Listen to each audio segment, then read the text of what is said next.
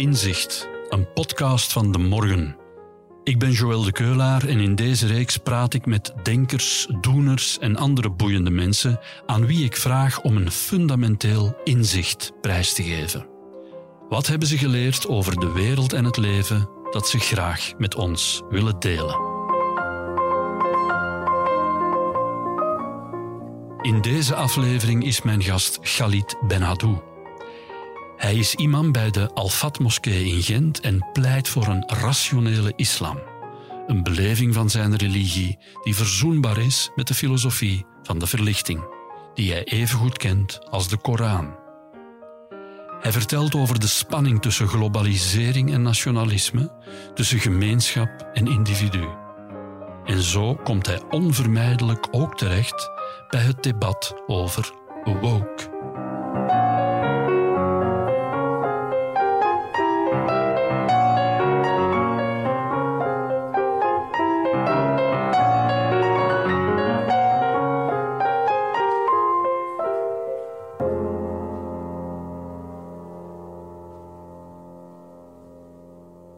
Khalid Benadou, welkom in onze podcast. Ehm, mogen we elkaar tutoyeren? Zeker. Oké, dan gaan we dat doen.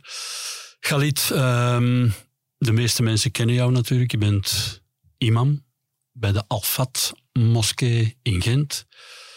Je werkt in opdracht eh, van het Vlaams ministerie voor Onderwijs aan de thema's polarisering, radicalisering, deradicalisering in het onderwijs. Je, hebt een, eh, of je werkt aan een uh, expertisecentrum SIRA. Ja. Wat doe je daar precies? Wat doet dat centrum precies? Wel, ook bezig rond thema's levensbeschouwing en diversiteit. En wij voeren opdrachten uit uh, voor publieke instanties, maar ook privé-instanties, bedrijven enzovoort. Okay. In ja, het kader ja. van hoe ga je om met levensbeschouwing en diversiteit ja. in de samenleving. En aan de Universiteit Gent ben je momenteel opdrachthouder diversiteit, diversiteit ook. Je publiceerde verschillende boeken. Je hebt zelf een boek geschreven over de islam. En een aantal dialoogboeken. Je bent in dialoog gegaan onder meer met Bart de Wever, ja. met Patrick Loobuik, met Rick Torfs en Paul Cliteur, geloof ik. Ja, mag God nog. Um, en natuurlijk, ja, vele mensen kennen jou als deelnemer aan het uh, maatschappelijk debat. De vraag, Galit, die mm. uh, ik jou stel, is dezelfde als de vraag die ik aan iedereen stel in deze podcast.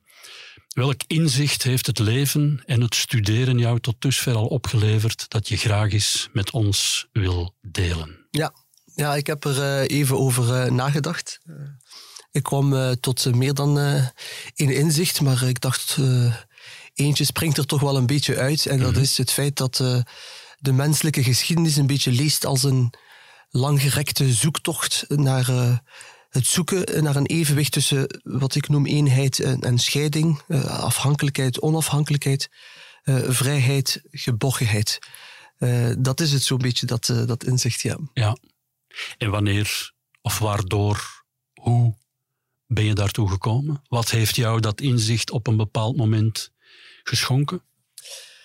Ja, ik heb uh, veel, veel gelezen en uh, op bepaalde ogenblikken ben ik tot uh, de conclusie gekomen dat de mens altijd wel op zoek is om zich te onderscheiden van de ander. Maar tegelijkertijd wil die mens ook bestaan bij gratie van de ander en, en zoekt dan opnieuw de, de ander op. Ik heb dat voor een stuk ondervonden in, in, in de eigen gemeenschap waartoe ik behoor, hè, de, de, de moslimgemeenschap, als het gaat over mijn, mijn religie waar heel veel mensen struggelen met het feit dat ze soms te veel uh, zich moeten conformeren aan die sociale conventies binnen die gemeenschap en et cetera, en zich daarvan willen ontworstelen.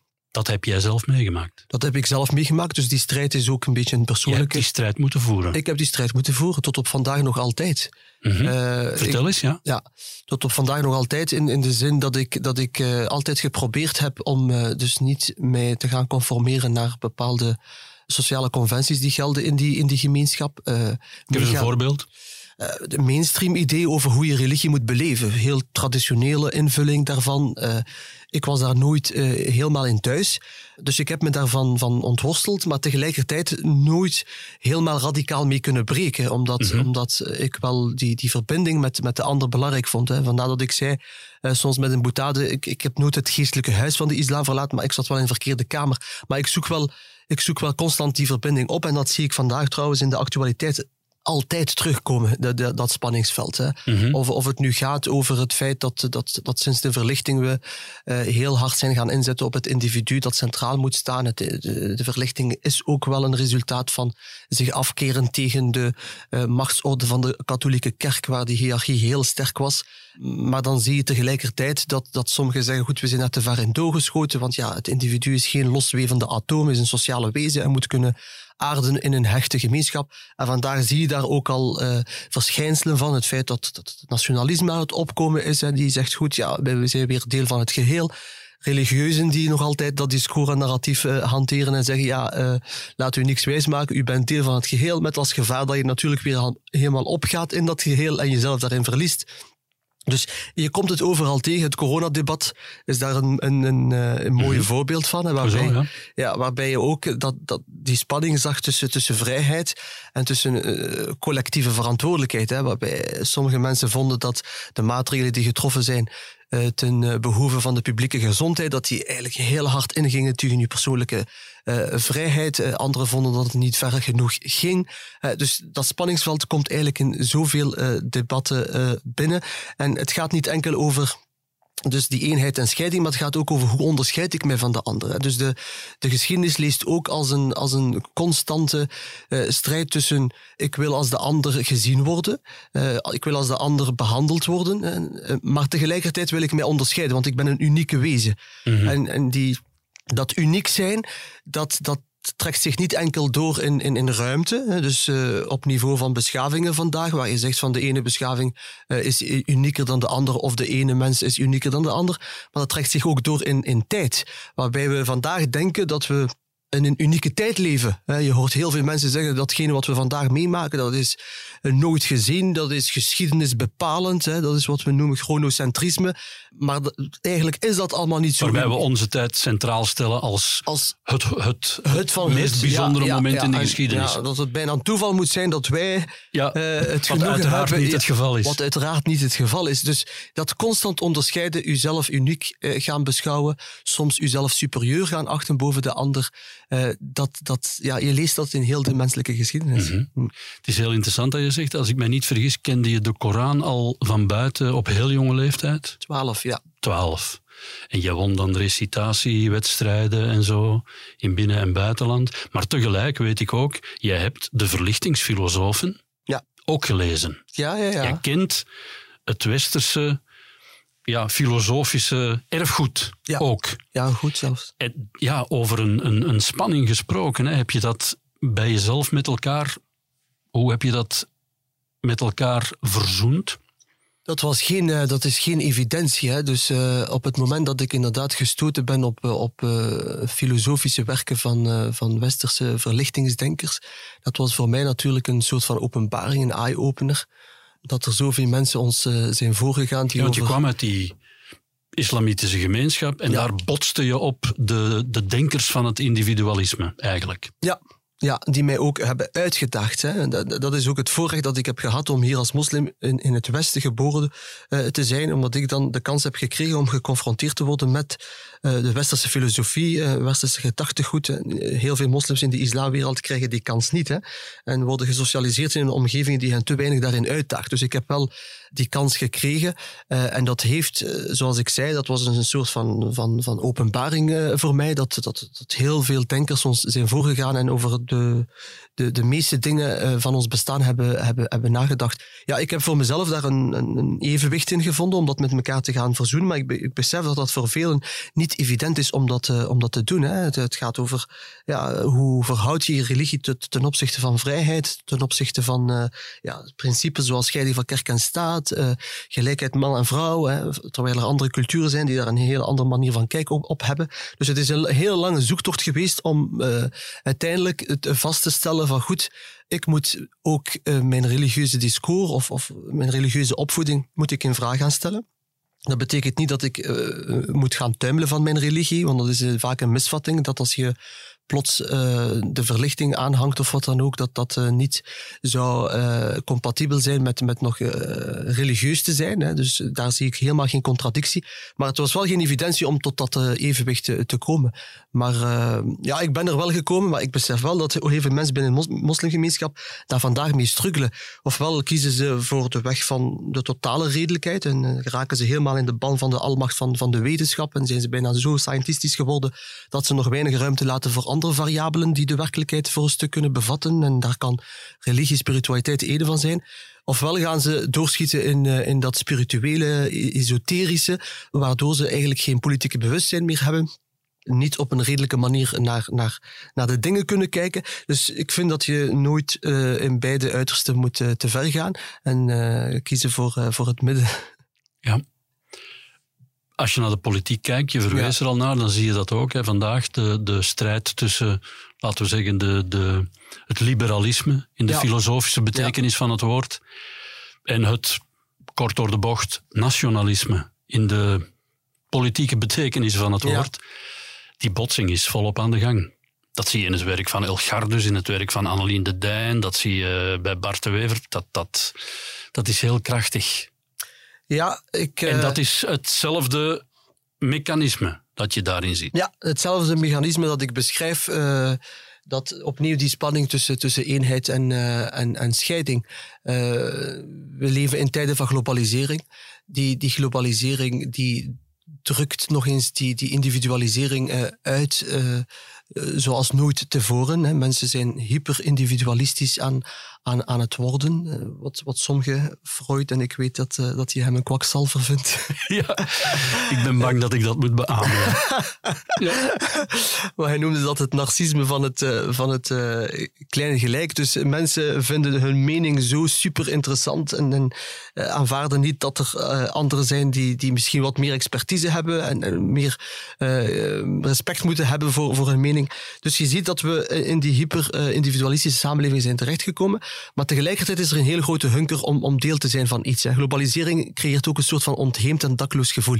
Mhm. Het heeft de nationale structuren doorknipt, maar wat komt er daarvoor in de plaats? En dat leidt soms inderdaad tot het feit dat er winnaars zijn van die globalisering. Uh, mensen die, uh, die daarvan hebben gebruik gemaakt, omdat ze hoog opgeleid zijn en et cetera. Maar je hebt evenzeer mensen die, die grote verliezers zijn van die globalisering. Uh, omdat ze het gevoel hebben, ja, maar ik blijf achter, wie is er nog voor mij?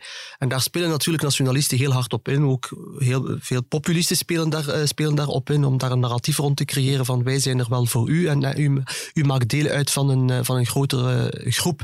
Dus ik denk dat ja, dat spanningsveld is heel sterk eh, aanwezig in het debat. En voor mij hoeft het ander het een het ander niet, niet uit te sluiten. Hè. Die contradictie die in elke debat voorkomt, namelijk ja, ofwel kies je voor uw vrijheid, ofwel kies je voor uh, gemeenschapsvorming. Ik denk dat, dat elke individualiteit sociaal gesitueerd is, altijd tot stand komt in een context. Een context die ook op u inwerkt ik produceer eh, hier klanken en ik ben hier een aantal ideeën aan het debiteren. Maar als, mhm. eh, als u er niet bent, uh, Joël, met wie ik dat kan delen, of de luisteraars, mhm. ja, dan heeft dat totaal geen, geen zin. Dan mhm. heeft mijn bestaan ook, ook geen zin. ik heb een naam gekregen van mijn, van mijn ouders. Ik, ik heb een taal aangeleerd gekregen. Ik draag de kledij zoals de meesten onder ons kledij dragen. Dus ik ben gesocialiseerd uh, en mijn individualiteit ontplooit zich en ontwikkelt zich in relatie met, uh, met, met de anderen. En ik hoef daar niet altijd een, een contradictie in te zien. Uh, mijn conclusie of mijn, mijn vaststelling is dat, dat in het Westen het paradigma eh, rond hoe je identiteit construeert. Want er zijn verschillende paradigma's hè, over hoe construeer je identiteit. Eén daarvan is dat je een identiteit construeert door zich te onderscheiden van de ander. Uh, ik, ik, ben, ik ben een man omdat ik geen vrouw ben. Mhm. En heel dat paradigma is heel dominant geworden in ons, in ons denken. Hè. En dat heeft ervoor gezorgd dat we ons heel graag willen onderscheiden van elkaar, dat we uniek willen zijn. Maar, maar je hebt ik ben een Vlaming, want ik ben geen, ben, geen ben, luie waal en ik, ben, geen... Inderdaad, uh, inderdaad. Dus je, je, moet je altijd onderscheiden ten opzichte van, van, van iets. En daar is nooit een, een ruimte tussen, geen grijze zone. En dat, dat, dat paradigma is, is, is zelfs heel de Europese identiteit is geconstrueerd door zich te onderscheiden van de ander. In dit geval was dat de islam, hè, de ander. Hè, want uh, als je ziet, 1492 is een belangrijke periode geweest, het begin van de koloniale expansie, uh, maar ook voor een stuk begin van die Europese culturele eenmaking. Dat was ook het moment dat, dat Andalusië gevallen is, hè, expulsie van de laatste moslims in Granada. Dus heel die Europese culturele eenmaking is tot stand gekomen, is geconstrueerd door zich te onderscheiden van, van, van de ander. Dat paradigma is heel dominant gaan, gaan worden in onze, in onze samenleving, terwijl ik denk dat, dat je ook andere paradigma's hebt, waarbij je het relationele opzoekt. Dat vind je heel vaak terug in Afrikaanse, Aziatische tradities. Mhm. De Afrikaanse uitspraak van Ubuntu, ik ben omdat wij er zijn. Eh, dus dat vind je in andere tradities wel terug. En ik mis dat wel een beetje in ons westers uh, denken, waarbij het individu zo centraal is uh, gesteld geworden. En, en zoals je zegt, de debatten vandaag die daar rond gevoerd worden, Algardus die opnieuw pleit inderdaad voor gemeenschapsdenken, liberalen die gaan stijgeren, omdat mhm. ze weer vrezen dat we teruggaan naar naar, uh, naar het verleden. En, en wij durven denk ik ook niet meer nadenken over gemeenschapsvorming, omdat dat eh, weer al in de buurt komt van identiteit. En identiteit, ja, dat, dat doet ons denken aan de vorige eeuwen, die historische objectiviteiten. Zoals het fascisme, het communisme, die zijn doorgeslagen in dictatoriale overheersing. En alles wat te maken heeft met metafysisch denken, het politieke denken, daar zijn wij angstig voor geworden. Met als gevolg dat we naar een samenleving zijn gegaan waarin we stellen, alles is relatief, alles is subjectief, alles is cultureel en historisch gebonden. Maar dat alles doortrekken in het particuliere maakt dat we dan ook weer geen eenheid meer hebben. Dus we zijn zo vrij geworden door allemaal uh, autonoom te willen denken. Iedereen uh, doet waarheidsaanspraken, maar wat delen we nog met elkaar? Wat is, wat is die gedeelde waarheid waar we in de verlichting het wel over eens waren? De reden en de wetenschap is de weg naar de waarheid. Die staat vandaag onder druk. Vandaag heeft ieder zijn eigen, zijn eigen waarheid, want alles is relatief, alles is subjectief, alles is historisch en contextueel uh, gebonden. Maar er bestaat toch zoiets als een wetenschappelijke gemeenschap, een wetenschappelijke methode, academische tradities, universiteiten, een, een, een laten we zeggen, corpus aan, aan kennis en, en, en, en weten dat wordt opgebouwd en dat al maar groeit en dat ook basis kan vormen voor beleid. Dus ben je niet een beetje pessimistisch? Er bestaat toch een, een, een krachtige wetenschappelijk geïnspireerde tendens om er zijn natuurlijk inderdaad mensen die wetenschap verwerpen. We hebben dat tijdens de coronacrisis ook gezien. Ja. Maar dat tast toch de, maatschappelijk, de maatschappelijke vooruitgang op dat vlak niet aan. Op dit moment nog niet. Uh, maar ik zie wel tendensen die aantonen dat de, de, de politiekers van deze tijd niet altijd meer rekening houden met, met, dat is ook waar. met wetenschap. Mhm. Dat hebben we tijdens corona ook gezien in de debatten. Niet mhm. iedereen uh, geloofde in datgene wat, wat de experten ons, ons gingen vertellen. Uh, of dat werd toch wel uh, heel sterk bekritiseerd en, en, en et cetera. En ik denk als, als de politiek daar al moeilijkheden mee heeft, dat dat geleidelijk aan ook zal doorcijpelen of binnencijpelen in de, in de samenleving. Dus je bent wel wat pessimistisch. Ik, ik ben wel voorzichtig. Uh, ik hm. zie wel tendensen opkomen waarbij de filosofie van de subjectiviteit domineert op de filosofie van de objectiviteit, waarbij emotie, gevoel, lived experience, denk ook aan het woke-debat bijvoorbeeld, mm dat uh, ook daar een exponent van is, hè, want daar wordt heel hard weer ingezet op dat particuliere.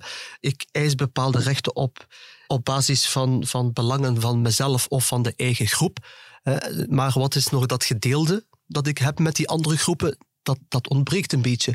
Uh, en en als, als, als een minderheidsgroep in onze samenleving haar rechten opeist op basis van specifieke rechten voorbehouden voor die groep, wat weerhoudt dan de grote groep of de meerderheidsgroep in de samenleving om dan niet hetzelfde te gaan doen, waardoor dat rechten niet meer gedefinieerd worden op basis van mensenrechten, wat eigenlijk een beetje een universaliteit is, maar op basis van een, eigen groep, want ik onderscheid mij van, uh, van de ander. Nu zitten we echt in een van de debatten van deze, van deze tijd. Hè. Dat is ook, dat moeten we heel even vastpakken en uitklaren.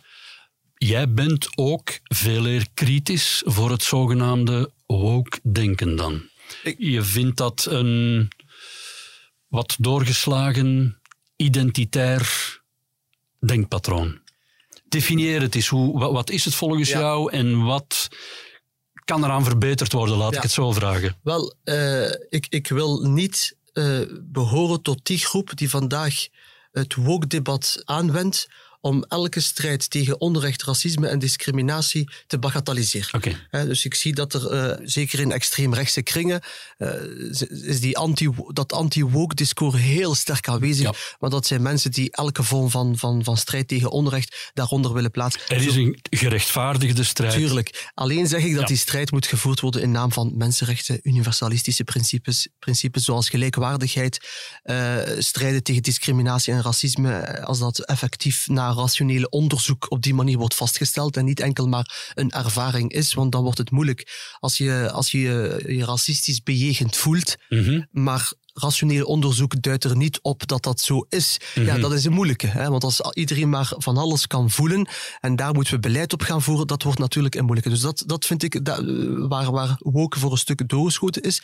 Eén. Ten tweede, dat, dat gevoel eh, basis vormt van de manier hoe we met elkaar nog in conversatie gaan. Dus het argument wordt ongeldig verklaard niet omdat het de, het rationele onderzoek niet doorstaat, Mhm. maar omdat het gewoon beledigend kan zijn. Hè, dus dan, eh, op basis daarvan wordt een argument al ongeldig verklaard. Dat vind ik ook voor een stuk problematisch. Dat heb je, dat, dat halen we uit de verlichting. Er bestaat Ja. geen recht om niet beledigd te worden. Inderdaad, eh, Voltaire en, en, en et cetera. Ja. Je kan je beledigd voelen, maar je kan nog altijd het recht verdedigen om, om, om, eh, om ervoor te staan en mensen ruimte te geven om dat te kunnen zeggen. Dus dat is een tweede Dus, element. dus je hebt niet het recht om niet beledigd te worden.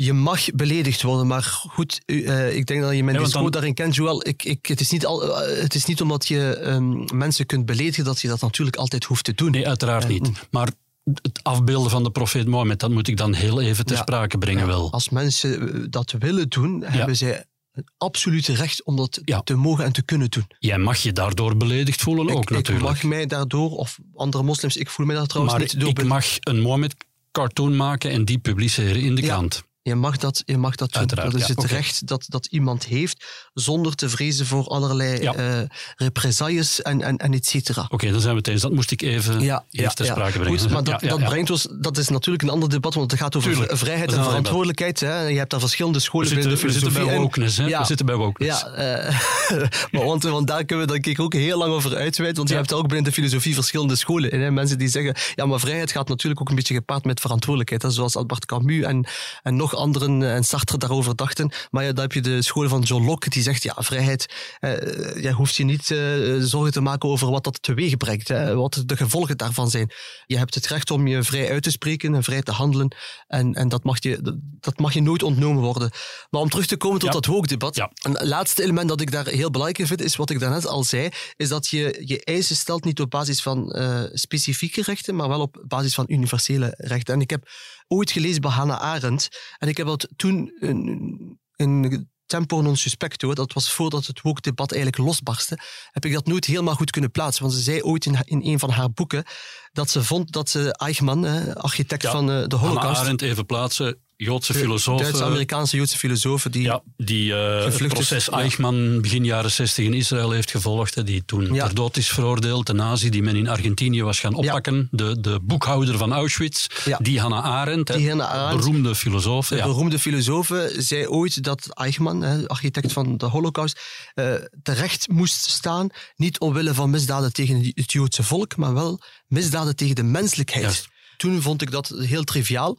Maar eh, in het woke-debat vandaag eh, zie ik hoe belangrijk dat, dat is, dat je, dat je je eisen stelt, eh, niet op basis van specifieke rechten, maar op basis van universalistische principes, mensenrechten en... eh, Dus en als vrouwen of mensen met een migratieachtergrond, LGBTQ enzovoort en zo verder, de eisen die zij, Ja. de rechten die zij opeisen, dat moeten mensenrechten zijn. Mensenrechten die zijn heel legitiem. Dat doen ze toch, eigenlijk? Eh, wel, in, in heel die woke-beweging zie je toch wel een aantal fracties die zeggen nee. Als er bijvoorbeeld rechten worden opgeëist voor een vrouw, ja, dan moeten die een beetje anders zijn dan de rechten die er zijn voor de mannen. Want het, het lichaam en het leven van een vrouw, ja, dat is die, die, die wordt als helemaal anders ervaren dan, dan een man. Want die, die, die is tot stand gekomen in een patriarchale samenleving. Dus de man kan nooit op dezelfde manier ervaren wat, wat een vrouw ervaart. Dat is wat eh, eh, Simone de Beauvoir al schreef in haar boek De Tweede Sekse. Maar dat kan je ook doortrekken als het gaat over bijvoorbeeld de, de zwarte gemeenschap in Amerika. Die ook zegt, ja, maar wij moeten niet zoals eh, de, de, de, de blanken worden behandeld. Want wij hebben eigenlijk een aparte statuut nodig. Want de ervaringen die wij hebben door op te groeien in een vijandige blanke omgeving, die zijn helemaal anders. Uh, en zij eisen als het ware uh, een aparte statuut op. En dat vind ik wel, denk ik, een gevaarlijke. En hoe zo'n apart statuut? Geef eens een concreet voorbeeld. Uh, dat zie je vandaag bijvoorbeeld door het feit dat, dat, men, dat men zegt dat uh, de blanken sommige dingen niet kunnen vertalen omdat zij niet voldoende sensitief zijn. Oké, ja, ja. Dat, dat, hebben we met Amanda Gorman, dat, dat hebben gedicht ja, gezien. Ja, Dat is daar bijvoorbeeld één exponent Dus je kunt een, een tekst van een, van een jonge zwarte activistische vrouw maar vertalen als je diezelfde doorleefde ervaring hebt als zij. Inderdaad, ja. ja. Dus, en dat iemand anders dat nooit kan aangeleerd krijgen of nooit die gevoeligheden kan krijgen. Mm -hmm. Maar dat, dat maakt natuurlijk heel het debat rond, rond diversiteit en zo verder heel moeilijk. Ik werk aan de Universiteit uh, Gent als opdrachthouder diversiteit. Je hebt daar 15.000 personeelsleden. Ja, tegen wanneer dat je natuurlijk uh, heel veel diversiteit en heel veel mensen hebt met migratieachtergrond of, of, zwarte mensen in dat personeelsbestand, dat zal nog jaren duren. Dus je zal aan de slag moeten gaan met de bestaande lesgevers, bestaande personeel en proberen hen diversiteitsgevoelig te maken. Mm -hmm. Dat kan je doen door verschillende trainingen en et cetera, van let op bepaalde impliciete bias, stereotype beelden die er zijn, vooroordelen die binnensluipen in ons denken. Ben je een soort sensitivity reader? nee, wat, wat, wat, wat, wat wij doen bijvoorbeeld aan de Universiteit Gent is, wij hebben een soort reflectietool ontwikkeld, mm. waarbij we dus uh, lesgevers uh, trainingen geven, die door anderen worden gegeven, waarbij we ze gewoon bewust maken van let daar, let daar eens op, hè, wees daar eens wat bewust van. Ja, je kent de klassieke voorbeelden van als je bepaalde voorbeelden aanhaalt in, jouw in jouw uh, lesinhouden. Uh, hanteer niet de klassieke namen van, van Jan en Piet, maar gebruik okay. dus ook een andere naam waardoor de ander zich in, ja, in jouw ala een beetje, kan, enzovoort, ja, ja. een beetje kan identificeren. Maar dat gaat soms ook verder. Dat gaat over, ja, moet je dan in, in, in de wijze begeerd aan de filosofie ook af en toe eens refereren aan uh, andere filosofen? Oké, okay, dat is al een moeilijkere discussie, omdat je zegt, ja, hebben ze natuurlijk dezelfde verdiensten gehad als de westerse filosofen? Mm -hmm. impact moet natuurlijk een beetje dezelfde zijn om hen dan natuurlijk erin te steken en niet enkel tegemoet te komen aan het feit dat er mensen zijn ja. in jouw aula die, die daar nu op wachten. Dus het is een moeilijke evenwichtsoefening, maar het, het is wel interessant om, om met lesgever zonder al te drammerig te zijn en de autonomie van de professoren, de academische vrijheid op de helling te gaan zetten, is dat volgens mij een interessante oefening. Ja, en dat is inderdaad, we zijn voortdurend, ik, ik, ik voel dat, we zijn bezig over jouw centrale inzicht. Dat gaat, we hebben het voortdurend over de drang om apart behandeld te worden, om een particuliere, eigen, individuele, aparte behandeling te krijgen. En tegelijk de wens om te mogen opgaan in een, in een groter ja, geheel. Ja, ik denk dat dat, dat in alle, alle debatten uh, terugkomt. Ik heb onlangs het boek gelezen van uh, Jeroen Olieslagers, Wilde Vrouw. Mm -hmm. En hij uh, nam daar een, een, regel op in, in dat boek. En, namelijk eenheid baart vrijheid. En die vrijheid verscheurt vervolgens die eenheid. En hij had het over uh, Antwerpen in de 16e eeuw, mm -hmm. uh, die toch uh, de gouden eeuw is geweest, waar heel veel successen waren op niveau van handel, weinig conflict, heel veel eenheid. Maar door die eenheid kwam er heel veel ruimte om vrij na te denken. En dat leidde op zich tot heel veel conflicten. De beeldenstorm in 66, val van Antwerpen 85, begin van 80-jarige oorlog. Dus die eenheid uh, baart vrijheid, maar vervolgens kan die vrijheid weer die eenheid gaan, gaan, gaan verscheuren. Dus dat kan je uh, terugzien in de 16e eeuw, de 17e. En, en tot op vandaag zie je dat we nog altijd in dat spanningsveld uh, vastzitten. Bijvoorbeeld binnen de moslimgemeenschap, ja? binnen de moslimgemeenschap zie je een hele grote hunker of behoefte, niet, niet bij iedereen, om bijvoorbeeld te gaan naar, naar vrije scholen. Uh, van, we hebben eigen islamitisch onderwijs. Ja, islamitisch ja. onderwijs. Artikel ja. 24 van de grondwet. Tegelijkertijd zijn er anderen die zeggen, ja, nee, nee, nee, want uh, je moet opgaan in het geheel. Je moet deel worden van, van de samenleving. Nee, maar die moslimgemeenschap wil zich op een of andere manier toch onderscheiden van de ander en haar eigen accenten en klemtonen gaan leggen. Dus je merkt dat we Wat daar... vind je? Ja. Zou je een voorstander zijn ik ben van, een, van een... niet de grootste, ik ben daar koele minnaar van. Hè. Ik denk dat als er -hmm. bepaalde fracties zijn in onze moslimgemeenschap die niet kunnen aarden in reguliere onderwijs, dan moet natuurlijk dat juridische recht wel bestaan om dat te kunnen doen. Artikel mm -hmm. 24 is er voor iets. Maar ik zou geen voorstander zijn dat nu heel de moslimgemeenschap uh, zich uh, gaat segregeren en teruggaat naar, naar de verzuiling. Daar ben ik helemaal niet te vinden. Maar waar ik bijvoorbeeld ook zie dat onze samenleving en sorry voor het woord, misschien hard, soms een schizofrene houding aanneemt ten opzichte van die moslimgemeenschap, is dat men aan de ene kant zegt tegen die moslimgemeenschap, u moet zich uh, ontworstelen van die gemeenschap, uh, want die gemeenschap kan soms onderdrukkend werken. Probeer u daarvan te liberaliseren. Sta op uw autonomie, zelfbeschikkingsrecht. Maar op het moment dat iemand met die achtergrond iets mispeutert, dan vervalt men terug in groepsdenken. Dan zegt mhm. men, ah ja, dat is iemand uit jullie gemeenschap, dus verwachten wij uit die gemeenschap dat er een signaal komt. Ja, maar u, u zei net dat die persoon zich moest liberaliseren en losmaken van die gemeenschap. En toch mhm. vervalt men terug in dat, in dat groepsdenken. Dus je ziet dat zelfs beleidsmakers, politici, daar echt vast in zitten. Moeten we nu echt aan doelgroepenbeleid doen? Moeten we daarvan loskomen? Heel, heel de, de, de samenleving leest als een... Ja, je bent een buitengewoon zo kom je toch over. Ik ken je niet heel goed, maar we hebben elkaar al verschillende keren ontmoet, dat wel. Maar je, je bent een heel eh, een man met veel uh, energie. Je lijkt me ook een optimistisch iemand en veerkrachtig en, en, en, dynamisch. Ja. maar ik vraag me af, is dat niet buitengewoon vermoeiend inderdaad. Voortdurend dat appel te moeten horen. Uh, waar is het signaal van de gemeenschap? Uh, wanneer nemen jullie eindelijk eens afstand van X, Y en Z? Terwijl ja, de niet-islamitische eh, Vlaamse gemeenschap krijgt die vraag nooit als er uh, een militair in de bossen zit met een bazooka om Mark van Rans te, uh, op te jagen. Ja. ja, klopt. Het is heel frustrerend om het elke keer opnieuw te doen. In, in het begin dacht Waar haal je dan die energie? Ja, in het begin dacht ik ook altijd goed, je moet dat wel eens doen. Hè. De, de, islam is nu eenmaal een religie die, die de geschiedenis niet altijd mee heeft. Hè. Als je kijkt hoe de islam zich verhoudt tot het Westen. Dus uh, een gemiddelde Europeaan, autochtoon, heeft vaak een heel negatieve beeld over de islam. Dat wordt dan nog eens bevestigd door jihadisten en eh, die extreme fracties. Dus om wat die angsten weg te nemen, kan het soms helpen dat er iemand opstaat en zegt: Mensen, we nemen daar afstand van, we hebben niks met die mensen uh, te maken. Maar je hoopt dan dat na een tijd dat idee en dat inzicht doordringt, maar dat gebeurt niet. En dat frustreert en dat is vermoeiend, omdat je dan denkt van goed, moet ik nu elke keer opnieuw? Eh, want ja, ik heb daar echt niks mee te maken, dus laten we dat debat eens uh, mm voor goed afsluiten. Maar dat gebeurt, dat, dat gebeurt dan niet en dat frustreert uh, voor een stuk. Dus ik denk dat, dat op dat vlak uh, er nog wat werk aan, aan de winkel is om de islam uh, te gaan normaliseren in onze, in onze samenleving. Zit je niet soms een beetje tussen wal en schip? Want moet je niet ook een vergelijkbaar vermoeiende strijd misschien voeren binnen de islamitische gemeenschap?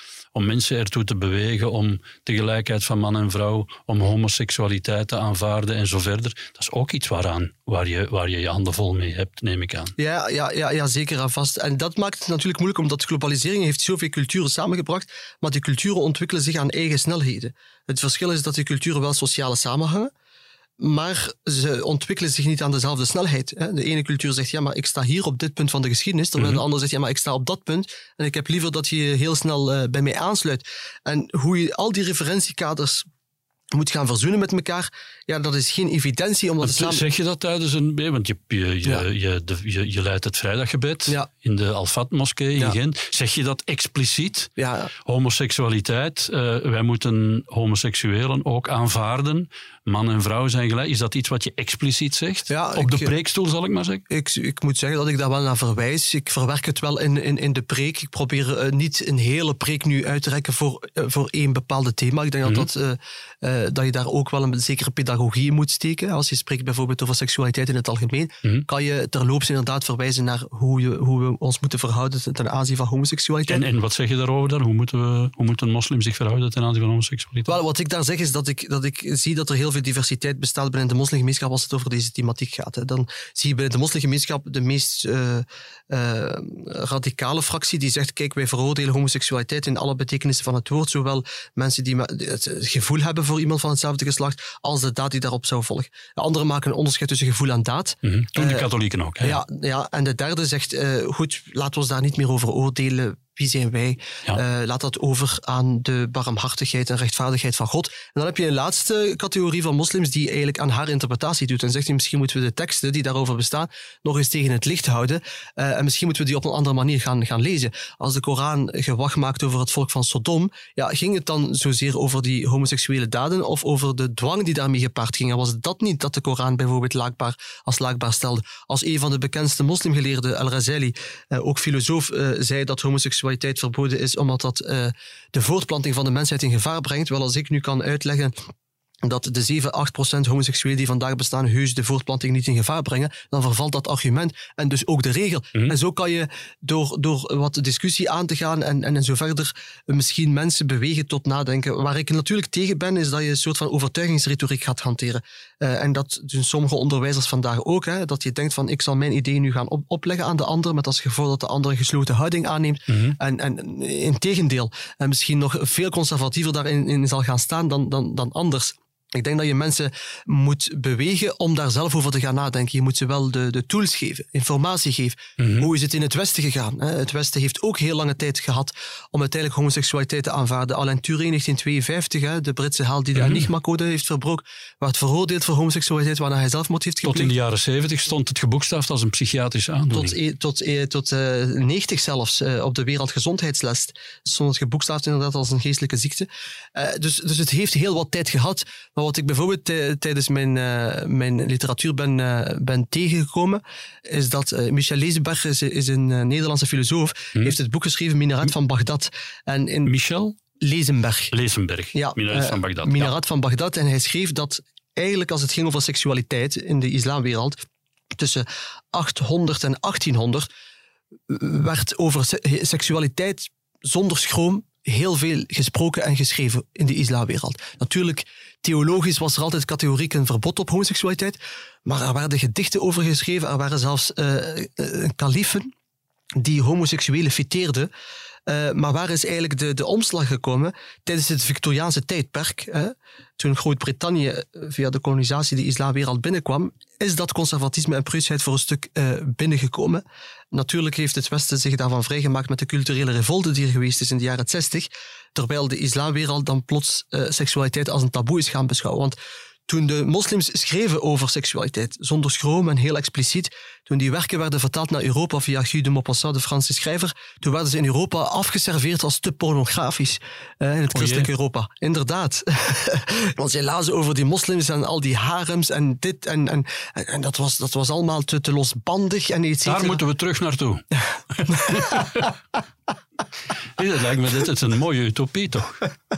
Dat, dat, dat Dat zeg je. Maar in, in, in, Vrijheid, in, de- losbandigheid. In, eh, in een liberale samenleving, eh, wanneer mensen instemmen met, eh, met bepaalde dingen, denk ik vanuit een zuiver liberale gedachtegoed dat je zou kunnen zeggen, goed, dat, dat moet Dus kunnen. filosofisch, dat is boeiend. Filosofisch ben je in zekere zin wel een liberaal. Eh, het, is, het is te zeggen. Ikzelf, eh, ehm, ik, ja, ik, ik geloof natuurlijk wel in, eh, in liberalisme als, als filosofie. Eh, niet, als, als politiek, niet als politiek model. denk zeker niet vandaag, omdat dat eerder in de, in de richting gaat van neoliberalisme. En ik Mhm. vind dat neoliberalisme ook eh, de samenleving opzadelt met heel wat grote eh, uitdagingen, die niet altijd heel gunstig zijn. Hè. Bijvoorbeeld, als ik kijk naar het onderwijs waar ik heel actief ben, dan zie ik hoe dat neoliberalisme of die machtgerichte logica er bijvoorbeeld voor gezorgd heeft dat we heel veel focus in gaan leggen op, op vaardigheden binnen het onderwijs. Eh, het idee dat, Ja. dat eh, mensen een vaardigheid moeten ontwikkelen, want ze moeten meteen inzetbaar zijn op de arbeidsmarkt. Ik zeg altijd met een boetade, eh, ik geloof niet dat het onderwijs als enige taak heeft om leerlingen af te leveren die vaardig zijn, maar ook waardig en aardig. Dus hoe combineer je die drie? Vandaag wordt er altijd een tegenstelling opgeworpen. Als je inzet op waardigheid, dan gaat dat ten koste van de kwaliteit Mhm. en zo verder. Terwijl ik denk dat, dat we moeten opletten dat we niet naar een onderwijs gaan die nog studenten aflevert, waarvan het succes van hun leven enkel wordt afgemeten aan het economisch rendement. Want dat leidt op zich ook eh, tot de erosie van ons democratisch bestel. Hè. Mhm. Martha Nussbaum heeft daar een boekje over geschreven, Niet voor de winst, waarin ze waarschuwt hoe in Amerika, maar ook stilaan in Europa, meer en meer bespaard wordt op alles wat te maken heeft met geesteswetenschappen. Hè. Vakken als literatuur, filosofie, kunst, Ja. eh, levensbeschouwelijke en democratische geletterdheid moeten allemaal wijken voor meer technische vakken die meer bruikbaar zouden zijn op de arbeidsmarkt. Dus die machtgerichte logica van het liberalisme eh, op economisch vlak, daar stel ik mij wel vragen bij. Maar liberalisme als filosofie, als model waarbij je zegt van de staat neemt een zekere neutraliteit aan. hè. Ze zal nooit 100% neutraal zijn, dat is vandaag ook niet hè, eh, altijd. Eh, maar dat, dat de staat een zekere neutraliteit aanneemt om ervoor te zorgen dat de burgers wel eh, onderling eh, die diversiteit kunnen hebben.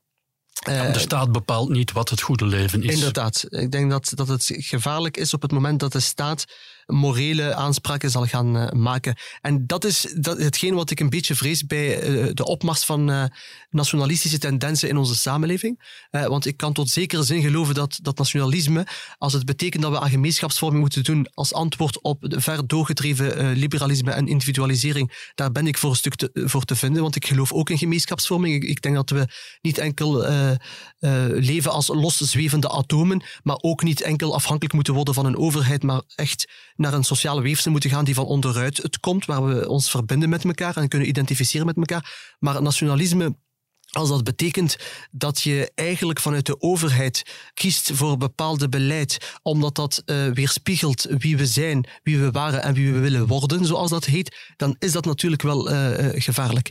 Omdat je dan natuurlijk een, een bepaalde beeld gaat ophangen van de geschiedenis, die je gaat romantiseren. En daar zitten we wel een beetje in, in die beweging. Ja, dat, dat, dat merk ik wel. Dus uh, in, in heel dat spectrum van mensen die met nationalisme bezig zijn en identiteit, moet je soms wel heel voorzichtig zijn als je ziet uh, hoe men daarin manoeuvreert en welke narratieven daar nu allemaal aan het rondgaan zijn. Hè. In sommige kan ik me vinden, zoals ik zei, als het gaat over het gemeenschapsvormende. Hoewel dat, dat mhm. natuurlijk ook een debat op zich is. Hè. Hoe bouw je een gemeenschap? Is dat op basis van gedeelde waarden en normen? Wat zijn dan die gedeelde waarden en normen? Ga je dat doen op basis van gedeelde verleden? Dat dan komen we echt in problemen terecht. Dan wordt het een exclusieve club waar ik sowieso zal worden uitgesloten, want mijn voorouders waren niet de Gallo-Romeinen, dus uh, daar kan ik geen aanspraak op maken op dat burgerschap. Maar, maar uh, meer dan het gemeenschapsvormende heb je natuurlijk ook wel heel het idee over uh, wat ik zo net zei, uh, die, die morele aanspraken die vanuit een overheid kunnen worden gemaakt. En daar ben ik wel heel, uh, heel gevoelig voor, dat een overheid zal gaan bepalen hoe wij zouden moeten gaan leven. Dus het is, het is een spanningsveld, hè, die, die zoektocht tussen vrijheid en, en je verhouden tot, tot de gemeenschap. Alleen hoop ik dat we voor een stuk de slinger kunnen terugdraaien, want ik vind dat de slinger te ver is doorgeslagen in het feit dat we soms ook te individualistisch zijn, zijn geworden, terwijl de geschiedenis leest als een samenwerking tussen mensen. Het is ook op basis daarvan dat we ons onderscheiden van andere, andere wezens. Hè. Wij hebben heel grote realisaties gedaan. Of het nu gaat over het bouwen van piramides, DNA-onderzoek naar de maan vliegen, dat is nooit dankzij individuele kwaliteiten geweest, maar uh, vaak dankzij samenwerkingen tussen grote groepen mensen, waar wij als mensen in geslaagd zijn ten opzichte van andere wezens die daar niet in, in, slagen. Wij kunnen heel complexe samenlevingen organiseren, omdat we abstract kunnen denken. En grote problemen oplossen. En grote problemen kunnen we oplossen, omdat we, omdat we abstract ook kunnen denken. Je bent een man van veel woorden, veel boeiende woorden. Kunnen wij als mensheid het klimaatprobleem oplossen? Antwoord met ja of nee. Ja, ik, ik denk het wel. Dus je ik, denkt van ja, wel? Ja, ja, ik behoor tot uh, de, de, de strekking van wat men noemt oh. de okay. modernist. Ik denk dat we iets meer geloof moeten hechten aan technologie en wetenschappelijke vooruitgang. En dat dat uh, al in het verleden bewezen heeft dat we ook de grootste problemen hebben kunnen uh, overwinnen. En dat we een beetje moeten afstrappen van dat chronocentrisme en denken dat we in een tijd leven die, die zo uniek is in haar problemen dat die niet te overbruggen zijn. Daarmee is de cirkel mijn excuses rond en mijn, mijn grote dank, Galit. Heel ik heb het gevoel, we kunnen uren en uren blijven ja, doorgaan. Ja, ik heb nog, uh, maar dat is helaas in deze podcast niet de bedoeling. Mijn grote bedankt. dank dat je te gast wilde dank zijn. Dank aan u, Joël, voor de uitnodiging. U luisterde naar een aflevering van Het Inzicht, een podcast van De Morgen. Ik bedank Dries Vermeulen voor de productie en Sam Vijs voor de eindredactie. Meer afleveringen van deze podcast vindt u in de app van de morgen of via Spotify of Apple Podcasts. Als u graag reageert, dan kan dat via het e-mailadres podcasts.demorgen.be. Grote dank dat u luisterde.